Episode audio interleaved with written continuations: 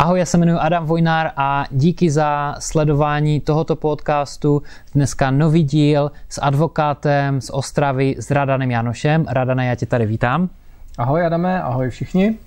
Dneska bude řeč opět nemovitosti a budeme se bavit o tom z pohledu advokáta, eh, jaká rizika, jak jim předejít, když člověk nemovitost nakupuje, prodává, anebo pokud ji pronajímá jako investor. Radane, prosím tě, mohl by si říct o sobě něco, jak dlouho se zabýváš tou činností, co je tvoje specializace a uh, vlastně potom se dostaneme pomaličku k tomu, uh, jak by si měl člověk dávat na to pozor, když vystavuje smlouvu na podnájem, na prodej nemovitosti, ale ze začátku mě nejvíce zajímá to vlastně, jak se k tomu dostal k té činnosti a vlastně co je to gro toho, co děláš. Mm-hmm. Takže eh, já jsem v podstatě v advokaci přes 10 let. Eh, posledních několik let se hodně zabývám právě právem nemovitostí, protože jednoduše je to obor, který mě baví. Mm-hmm. Sám taky se dívám na investice do nemovitostí a mm-hmm. nějak jsem si tak k tomu našel cestu. Takže je to v podstatě eh, věc samozřejmě, která se děje často. Mm-hmm. Spoustu lidí eh, eh, investuje nebo spoustu lidí obecně nakupuje a prodává nemovitosti každý den, protože potřebují jednoduše bydlet. Mm-hmm. Takže je to v podstatě agenda, se kterou se potkáš úplně všude. Akorát je potřeba vždycky být na pozoru a dávat pozor, co vlastně děláš, co nakupuješ, abys dostal ten výsledek, který si původně očekával. Na trhu, jak víš, spoustu lidí mělo nějaké i negativní zkušenosti s nákupem eh, realit, ať už to byly prostě jednoduše byty nebo i větší celky. Mm-hmm. Proto si myslím, eh, že je fakt potřeba trošku se orientovat mm-hmm. i v té právní stránce v nemovitostech, zvlášť pokud si teda investor a nakupuješ prostě častěji. Mhm. Stává se často, že lidi neřeší vůbec tu právní stránku věci, že třeba za tebou přijde někdo, kdo řekne, eh, Pane Janoš, podívejte, já už jsem eh, prostě v Brindě, já jsem to neřešil na začátku žádnou smlouvou, už se něco stalo, dá se s tím teďka něco dělat? Stává se něco takového o tobě, že se na tebe takhle obracejí klienti? Tak stává se to, není to vůbec eh, zřídka. Neříkám, že je to každý druhý nákup, ale stává se to. Eh, jde hodně často o to, že eh, buď ten, když se bavíme o bytě třeba, tak eh, ten byt třeba nemá ty parametry, které původně měl mít. Mm-hmm. Jo, třeba na něm váznou nějaké dluhy, mm-hmm.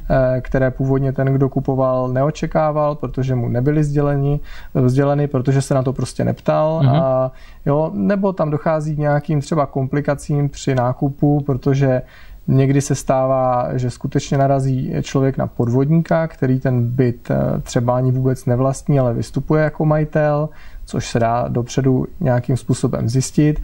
A nebo jsou prostě i podvodníci, kteří se snaží prodávat víc bytů, eh, teda jeden byt více lidem. To jsou samozřejmě extrémní případy a to mm-hmm. už mhm. se bavíme o trestní, eh, trestní rovině mm-hmm. tady tohodle, ale spíše většinou ti lidi chodí s tím, že ten byt má, nebo nemovitost, barák třeba, má vady, které prostě jednoduše nebyly v té smlouvě popsány a které snižují hodnotu té nemovitosti a přinášejí více starostí, než, eh, než by chtěli vlastně ti kupující. Mm-hmm.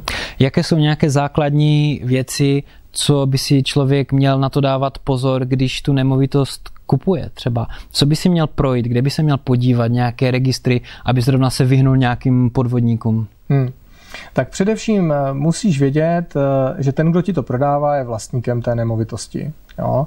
Tohle eh, zjistíš eh, z katastru nemovitostí, mm-hmm. necháš si vystavit věd takzvaný list vlastnictví, mm-hmm. tam je napsané, tam je specifikovaný třeba ten barák nebo ta bytová jednotka, kterou kupuješ mm-hmm. a je tam napsané, kdo tu bytovou jednotku vlastní. Jo. Mm-hmm.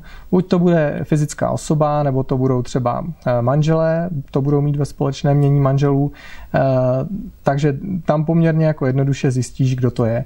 Dneska eh, ty můžeš poměrně dost věřit těm záznamům z katastru nemovitostí, protože funguje něco, čemu se říká princip materiální publicity. To znamená, když bych to velmi zjednodušil, když kupuješ nějaký byt, tak ty můžeš věřit v zápis v, ten, v, v katastru nemovitostí. Jo? Pokud si v dobré víře, pokud nemáš nějaké indicie, že skutečně ten byt vlastní někdo jiný a tak dále, tam více podmínek, ale obecně eh, obecně v ten zápis v katastru nemovitostí eh, můžeš věřit.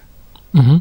Takže když se podívám na katastr nemovitosti, vyjedu si eh, list vlastníku, tam uvidím jasně napsané, kdo tu nemovitost vlastní, můžu si toho člověka nějakým způsobem třeba prověřit. Jsou tam ještě nějaké jiné údaje v tom listu vlastnictví, abych si opravdu toho člověka někde mohl najít třeba na sociálních sítích a vidět, že to je opravdu on, nebo tam je jenom to jméno a příjmení? Tak ty tam uvidíš hlavně to jméno a příjmení, eh, eventuálně adresu a tak dál, ale eh, pro tebe je hlavně důležité, že to je ten člověk, jo, který ti to prodává. Čili Eh, to je ta číslo jedna, ta priorita. Pak je důležité vědět, a to uvidíš taky v tom listu vlastnictví, jestli to vlastní sám v takzvaném výlučném vlastnictví, nebo jestli náhodou to nevlastní v tom společném mění manželů, třeba se svojí manželkou nebo manželem, protože v takovém případě ty by si měl chtít i souhlas toho druhého manžela eh, s prodejem té nemovitosti, respektive on by byl prostě třeba stranou té smlouvy, jo, ideálně. Oba dva. Kdybys to koupil totiž, kdyby to bylo ve společném mění manželů a ty bys uzavíral smlouvu jenom s jedním z těch manželů, hmm. tak můžeš mít problém, protože ten druhý manžel, hmm. pokud ti k tomu nedá souhlas, tomu svému manželovi, který tu smlouvu podepisuje, tak pak může v nějaké době i třeba pár let potom namítat takzvanou relativní neplatnost té smlouvy. To znamená, on by to mohl zneplatnit celou hmm. tu smlouvu. K tomuhle ti může dojít, když třeba by se ti manželé po letech rozhádali a, jeden chtěl druhému trochu škodit, tak by mohl namítat, že ten byt vlastně nikdy nechtěli prodat, že vlastně ten manžel, který nebyl na tu smlouvu smlouvě, prostě napadne, řekne, podívej, já tady nejsem, hele, Franta mě vyhodil z baráku, kašlu na něho, já tady nejsem, vraťte byt, jo, tohle se může jo, stát. A může tak... to dojít až k soudu, anebo to se třeba dá uh, ještě, to vůbec tyhle věci k soudu ani nedojdou, protože to je tak zřejmé, že nedojde na žádné prostě řízení soudní. Ono k tomu soudu dojde, protože uh, on, když bude chtít napadnout tu smlouvu neplatností, tak ti sice pošle dopis, že, že ta smlouva je neplatná nebo že to napadá, ale ty většinou na to nebudeš moc nebudeš tomu věřit, řekněme, a budeš čekat, až jestli dojde k soudu s tím. Jo? Takže mm-hmm. ono by to skončilo soudem, prostě jednoduše. Když něco takového dojde k soudu a jde o nemovitost, dejme tomu za čtvrt milionu korun, jaké jsou eh, soudní výlohy tady za tenhle nějaký soudní proces. Jestli, já přemýšlím tak, jestli vůbec má smysl uh, jít do toho soudu, když já bych chtěl něco takového napadnout, protože jestli to je třeba něco, co stojí stovky tisíc korun mm-hmm. za ty výlohy, tak to třeba nemá v tomhle eh, případě vůbec žádný smysl. Takže kolik jsou třeba nějaké soudní výlohy zhruba nějaký, já vím, že to nejde říct úplně přesně, jo. ale se bavíme o 100 tisících, 10 tisících, nebo jak to vlastně chodí? Eh, pokud ten soud jako půjde nějakou dobu a ta druhá strana hned to nezabalí a nezdá se, tak ty soudní výlohy budou určitě řekněme nějaké desítky tisíc. Jo? A jednoduše pokud prostě ten soud pojede třeba i ve dvou instancích, jo, čo, to znamená někdo se odvolá a tak dál, tak bych počítal nějaké desítky tisíc. Jo. Pokud by se to extrémně vleklo, tak to může být víc, ale jo, tady zrovna u toho nepředpokládám žádné stovky tisíc jo, u, u takových hodnot, protože prostě té aktivity i vzhledem k, jednak tam bude nějaká jako míra aktivity těch právních zástupců a prostě jednoduše eh, ta hodnota nebude to tak velká, aby si za to někdo účtoval nějaké extrémně vysoké třeba hodinové sazby. Jo. Tak to to může být. Jo. Záleží samozřejmě advokát od advokáta, ale eh, vlastně víš, mm, slušný advokát většinou, eh, když může, tak ti řekne nějakou představu, kolik by to tak mohlo být. Takže tak či tak bych jako vždycky doporučil si s nějakým advokátem sednout, zeptat se ho, jak to vidí, zeptat se ho, jaký je jeho cenový odhad, eh, který on nemůže dát přesný, protože soudní řízení je jako nepředvídatelné, mm-hmm. ale jednoduše budeš aspoň tušit, eh, v jakých rámcích se hýbeš. Určitě mm-hmm. má smysl eh, se začít informovat, než to prostě jenom tak zabalit a nechat to být.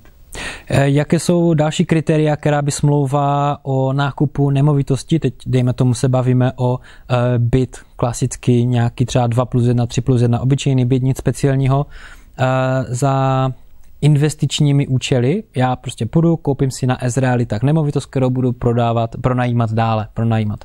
Takže na co bych si měl dávat ještě pozor, když tu nemovitost teda budu kupovat? Už jsme teda pokryli to, že bych měl vědět, od koho to kupuju, aby jeho jméno bylo v té smlouvě teda, že jo?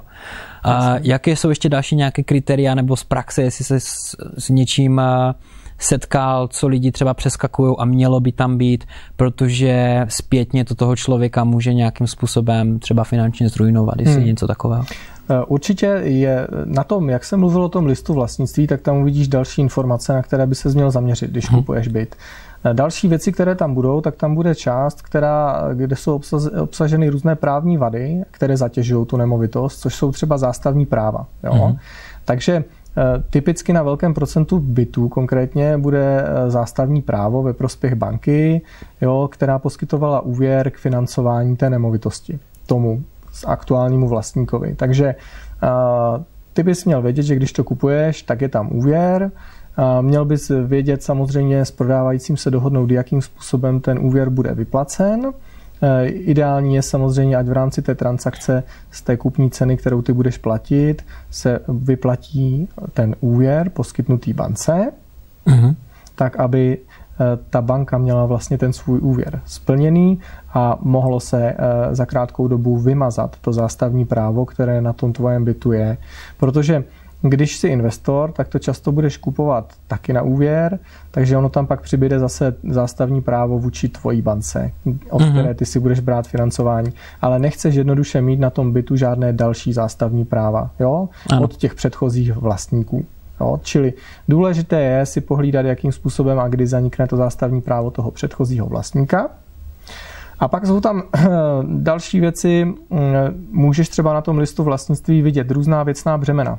Jo? Mm-hmm. Takže u bytu to třeba typicky může být nějaké věcné břemeno dožití. Jo? Může tam být prostě, vlastník tam může mít s někým uzavřeno věcné břemeno, které zjednodušeně říká, že ten člověk tam eh, může dožít. Jo, má právo tam ano. dožít, nemůžeš ho tam prostě vystěhovat. Jo. Mm-hmm. To může být nějaký rodič. Nebo Takže já kupuju vlastně nemovitost eh, k pronájmu dále a už tam mám vlastně nájemníka, dalo by se říct. Jo? Tam máš nájemníka, který ti navíc nic ani nebude platit ano. za používání nemovitosti. To není moc dobrý.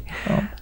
A když už tu nemovitost, teď trošku přeskočíme dále, když už ji vlastním tu nemovitost, eh, všechno proběhlo teda v pořádku a chci potom eh, pronajímat nájemníkovi zase opět za účelem svého vlastního nějakého zisku, tak jaké jsou ty náležitosti té Eh, smlouvy s tím nájemníkem, co by tam měly být, neměly být, eh, jak dohloubky by to měl člověk řešit, jestli je dobré mít smlouvu třeba na jednu stránku nebo na 20, jo.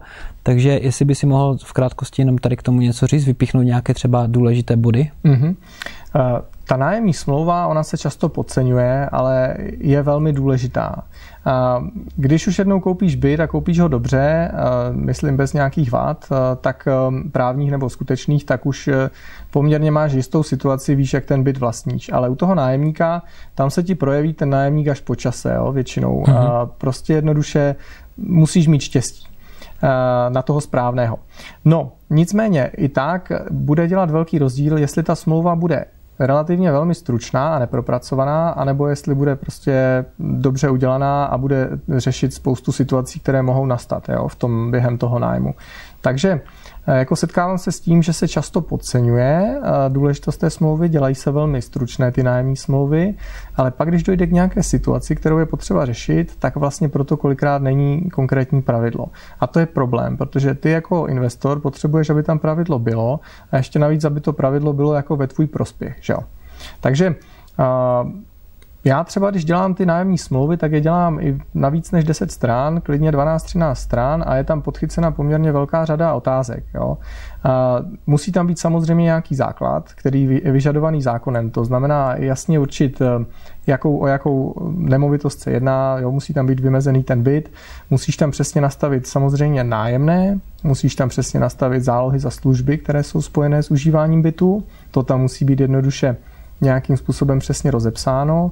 je tam potřeba dávat pozor na splatnosti těch služeb a všechno možné. Jo.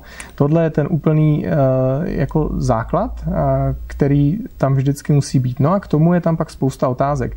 Jakým způsobem třeba budeš provádět rozúčtování těch služeb, jo? jakým způsobem budeš komunikovat třeba s tím nájemcem, jaké jsou komunikační adresy, jestli s ním můžeš mluvit mailem, jestli ne, eh, teda jestli budeš s ním mluvit jenom eh, v podstatě dopisama, když k něčemu dojde. Uh-huh. Takže on ti musí dát vlastně svolení, nebo ta smlouva by to měla nějakým způsobem stmelit, protože jestli to tam není, tak můžeš tomu nájemníkovi vlastně vůbec telefonovat? Jo, to určitě můžeš, to určitě můžeš, ale ty vždycky budeš samozřejmě nájemníkovi, když o něco půjde, komunikovat tak, ať je o tom nějaký záznam. Takže buď mu budeš posílat maily, které jsou nějakým způsobem prokazatelné, a když bude o něco fakt důležitého, tak mu pošleš i dopis, jo, kde bude doručenka, dodejka a bude jasné, že prostě bylo doručeno třeba nějaká výtka, výzva k tomu, aby přestal jo, s nějakým jednáním, aby prostě když vím, to. že tam dělá nějaký čurbec v tom bytě, dejme tomu krával po nějaké 21. nebo 22. hodině a já jsem se to dozvěděl od sousedu a chci mu dát eh, ať je o tom nějaký záznam, že jsem ho nějakým způsobem upozornil po prvé, po druhé, po třetí, než ho třeba eh, budu s ním řešit eh, odstěhování, tak eh, chci mu poslat e-mail, tak měl bych to, když to budu řešit přes ten e-mail, tak je to třeba nějak, dívá se na to třeba soud, když by to došlo tak daleko, hmm. že jsem mu posílal e-maily, anebo to vůbec neřeší a chce prostě jenom čistě dopis, který musí být do vlastních rukou. Jasně. On ten, eh, jednak buď si to nastavíte v té smlouvě, co je potřeba, jakým způsobem můžete komunikovat, to je jedna věc. A když si to nenastavíte, tak ty to třeba můžeš i dělat e-mailem, jo? různě s ním komunikovat, různé výtky a tak dál. Eh, u soudu, eh, když přijdeš s e-maily, tak je to nějaký důkaz, ale soud si ty důkazy hodnotí volně a jednoduše pro tebe je vždycky jednodušší prokázat, že si doručil něco doporučenou poštou s dodejkou, protože ukážeš dodejku, kde je číslo, evidenční k té zásilce a tak dál, než když prostě přijdeš s nějakýma vytištěnýma mailama. Jo? I ty se dají samozřejmě vyrobit. Takže je to nějaký důkaz, eh, používá se to, ale eh, abys měl větší jistotu, tak budeš vždycky doporučo, eh, doručovat doporučenou poštou s dodejkou. Jo? To zdůraznuju, dodejka ti prokazuje, že si to ten adresát skutečně převzal, jo? nebo mm-hmm. že nebyl zastižen. Prostě jednoduše víš, jak to dopadlo, ta zásilka, že se to dostalo do jeho dispozice, že se nestratila někde uh, třeba při doručování. Jo? To je dost podstatná věc. Mm-hmm. Takže uh, jo. Když pronajímám nemovitost v Anglii, tak uh, vím, že ten nájemník, já nemůžu jenom tak přijít do té nemovitosti že mu musím dát minimálně 24 hodin dopředu vědět, že ho navštívím. Existuje něco takového tady u nás? Eh, je to podobné, v podstatě u nás to funguje tak, že když ty jsi majitelem bytu, který pronajímáš, tak ty máš, je to pořád tvoje vlastnictví, takže ty máš právo samozřejmě v nějaké míře do toho bytu vstupovat a kontrolovat, eh, že prostě eh, se to neničí, jo, když to takhle řeknu. Takže ty máš. Nicméně v tom bytě je domácnost toho nájemce a ty nemůžeš tam vstupovat jen tak, kdy se ti zlíbí. Ano. Jo. To by prostě mohl být problém, Eh, je na to i jeden trestný čin, eh, který eh, prostě postihuje právě to, když bez dovolení vstupuješ do něčí domácnosti. Takže v podstatě Tohle je třeba jeden z bodů, který je, je dobré si přesně upravit v té nájemní smlouvě. Když mu zaklepu na dveře a řeknu mu, dobrý den, pane nájemníku, můžu jít k vám a budu tak nějak na něho trošku naléhat, že bych to fakt chtěl vidět, tu nemovitost, aniž bych mu řekl dopředu, že tam přijdu. A on mě potom sám pustí dovnitř, jo? tak eh, jak moc je to třeba rozporuplné, to, že se mu vstoupil do té jeho eh, domácnosti? Hmm. Tady tohle, tak pokud protože... tě pustí, tak um, uh, je to obecně úplně v pohodě. Jo? Tam ano. dostal si souhlas. Samozřejmě pokud on by si vymyslel následně, že tě tam nechtěl pustit, že, že si mu prostě bušil na dveře a pak si vyrazil dveře, tak je to něco jiného, ale k tomu mm-hmm. obvykle nedochází. Pokud tě tam pustí, kdykoliv přijdeš neohlášený, tak je to jedno. Jo?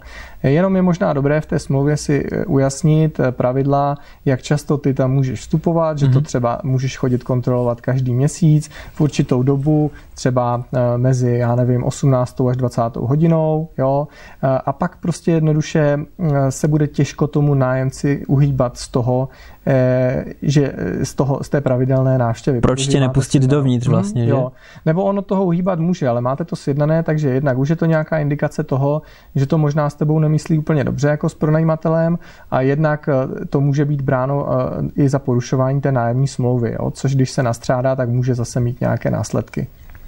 Eh, já vím, že třeba v Anglii já bych neměl mít ten klíč od té nemovitosti. I když je moje, já ji vlastním a já ji mhm. pronajímám, tak eh, zákon se na to dívá tak, že když jsi majitel a nebydlíš tam a bydlí tam někdo jiný, tak ty si musíš obhájit, proč máš mít ten klíč. Mm-hmm. Jak je třeba tady tohle u nás postavené? Mm.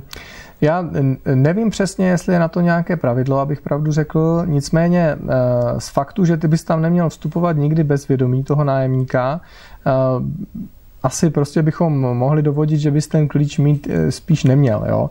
Spoustu nájemců, pronajímatelů ho mývá, dávají ho třeba do nějaké zapečetěné obálky, tak aby eh, se nějakým způsobem mohlo prokazovat, že ten klíč jako nebyl použitý, eh, ale je to taková věc, prostě, která je vždycky někde jako v takové šedé zóně, bych řekl. Mm-hmm. Jo. Mhm. Každopádně vždycky si musíš uvědomit, že do toho bytu můžeš skutečně vstupovat jenom se svolením toho nájemce. Jo. Pokud mm-hmm. nejsou nějaké výjimečné situace typu, že tam hoří, nebo prostě hrozí nějaká velká škoda jo, na tom tvojem majetku, tak jednoduše souhlas nájemce je potřeba. Je nějaká částka, do které by majitel té nemovitosti mohl říct tomu nájemníkovi, podívej, tu si zpráv sám, to je vypínač za 550 korun, to si udělej sám, mě s tím třeba vůbec nevolej. Je mm-hmm. nějaká částka roční, do které ten nájemník si všechno spravuje sám? Mm-hmm. Jo, na to jsou konkrétní částky. Eh, teď, abych pravdu řekl, eh, přesně si nevybavím, je to, myslím, tisícovka na jednu věc a pak je tam nějaký celý, eh, je tam pravidlo, které ti stanovuje, kolik je ten roční souhrn, které v penězích, které ten nájemce je povinen zaplatit vlastně za ty drobné opravy jsou takzvané drobné opravy a přes, co přesáhneš, eh, přes tuhle, tenhle limit, eh, tak eh, to v podstatě ten nájemce není povinen platit a je to povinen zaplatit ten pronajímatel. Ale v podstatě, když půjde o nějaké běžné opravy typu výměna zásuvky jo, nebo oprava něč, něčeho za pár set korun, tak je to vždycky, nebo vždycky, většinou to bude prostě věcí toho nájemce. Jo? Ano a ty s tím ani nemůžeš moc hýbat nahoru, protože je to stanoveno v konkrétním právním předpise a v podstatě cílem je, aby si nepřenášel veškeré opravy na tvoje majetku na toho nájemníka. Mm-hmm. Takže ty jako pronajímatel řešíš vlastně většinu těch velkých oprav. Leda, že by to ten nájemce způsobil sám nějak úmyslně, ti poškozoval byt a tak dál. V Anglii mi říkali, zase, zase vrátím k té Anglii, protože tam mám eh, největší zkušenost tady s těma věcma. Eh, když jsme tam ubytovávali snad v jednu dobu přes 100 lidí, tak eh, člověk řešil tyhle věci hodně i s realitníma kancelářema. A jedna z takových věcí byla délka smlouvy. Já jsem přišel do té realitky a říkám, podívejte, proč mi tady dáváte tolik stran, 10 nebo 12 stran té smlouvy nájemní, kdo to má tisknout a podepisovat všechno. Mi říkali, počkejte, když nájemník uvidí, že ta smlouva je dlouhá, potom se úplně jinak potom k té nemovitosti chová, je takový více opatrnější. Míváš třeba podobnou zkušenost tady s tímhle? Určitě, myslím si, že to je tak, jak říkáš. A, mm, psychologický efekt nějaký hraje roli. Psychologický efekt tam je velký a, a vlastně hlavní efekt je v tom, že když tam, když máš papír, který je relativně stručný a je tam málo těch pravidel, tak ten nájemce samozřejmě má pocit, e, že může dělat lecos v té nemovitosti a že za to nebude nést eh, žádný eh, následek. Kdežto, když máš tu smlouvu delší a máš tam upravenou spoustu situací, co se třeba stane, když nájemce, já nevím, něco udělá nebo neudělá, no tak prostě jednoduše ten nájemce vidí, že tam nějaký negativní efekt může nastat a pak už si dvakrát rozmyslí, jestli bude nějaké takové zakázané jednání dělat nebo nebude. Jo? Takže je velmi důležité z mého pohledu, aby ta smlouva fakt byla delší, aby postihovala více těch situací. Ono, často se setkávám s argumentem, no jo, ale kdo to má číst a, prostě je to dlouhé. Na to asi bych řekl tolik, že když si někdo pronajímá nemovitost, tak si obvykle pronajímá nejméně na rok, takže myslím, že můžeš úplně s klidem požadovat po někom, ať si jednou ročně přečte prostě 12 nebo 15 stránkovou smlouvu. Je to úplně jedno, protože prostě je to přece jenom tvoje investice, je to dlouhodobá investice mm-hmm. a myslím si, že je fér prostě požadovat, aby někdo věnoval eh, půl hodiny čtení tomu, že prostě bude používat tvoji věc. Když se teďka tady o tom ráda nebavíme, tak mě napadly hned další věci. Jedna věc je taková, že když já budu mít, eh, opět se přeneseme eh, na ostrovy britské. Když budu mít eh, dům a budu tam mít nějaké, že ty domy mají většinou nějakou předzahrádku a nějaká malá zahrádka vzadu tam bývá a budu tam mít nějaké nářadí na úpravu třeba trávníku, hrabě a tak dále a ten nájemník se s tím zraní, tak to jde všechno na moji hlavu, jo, třeba.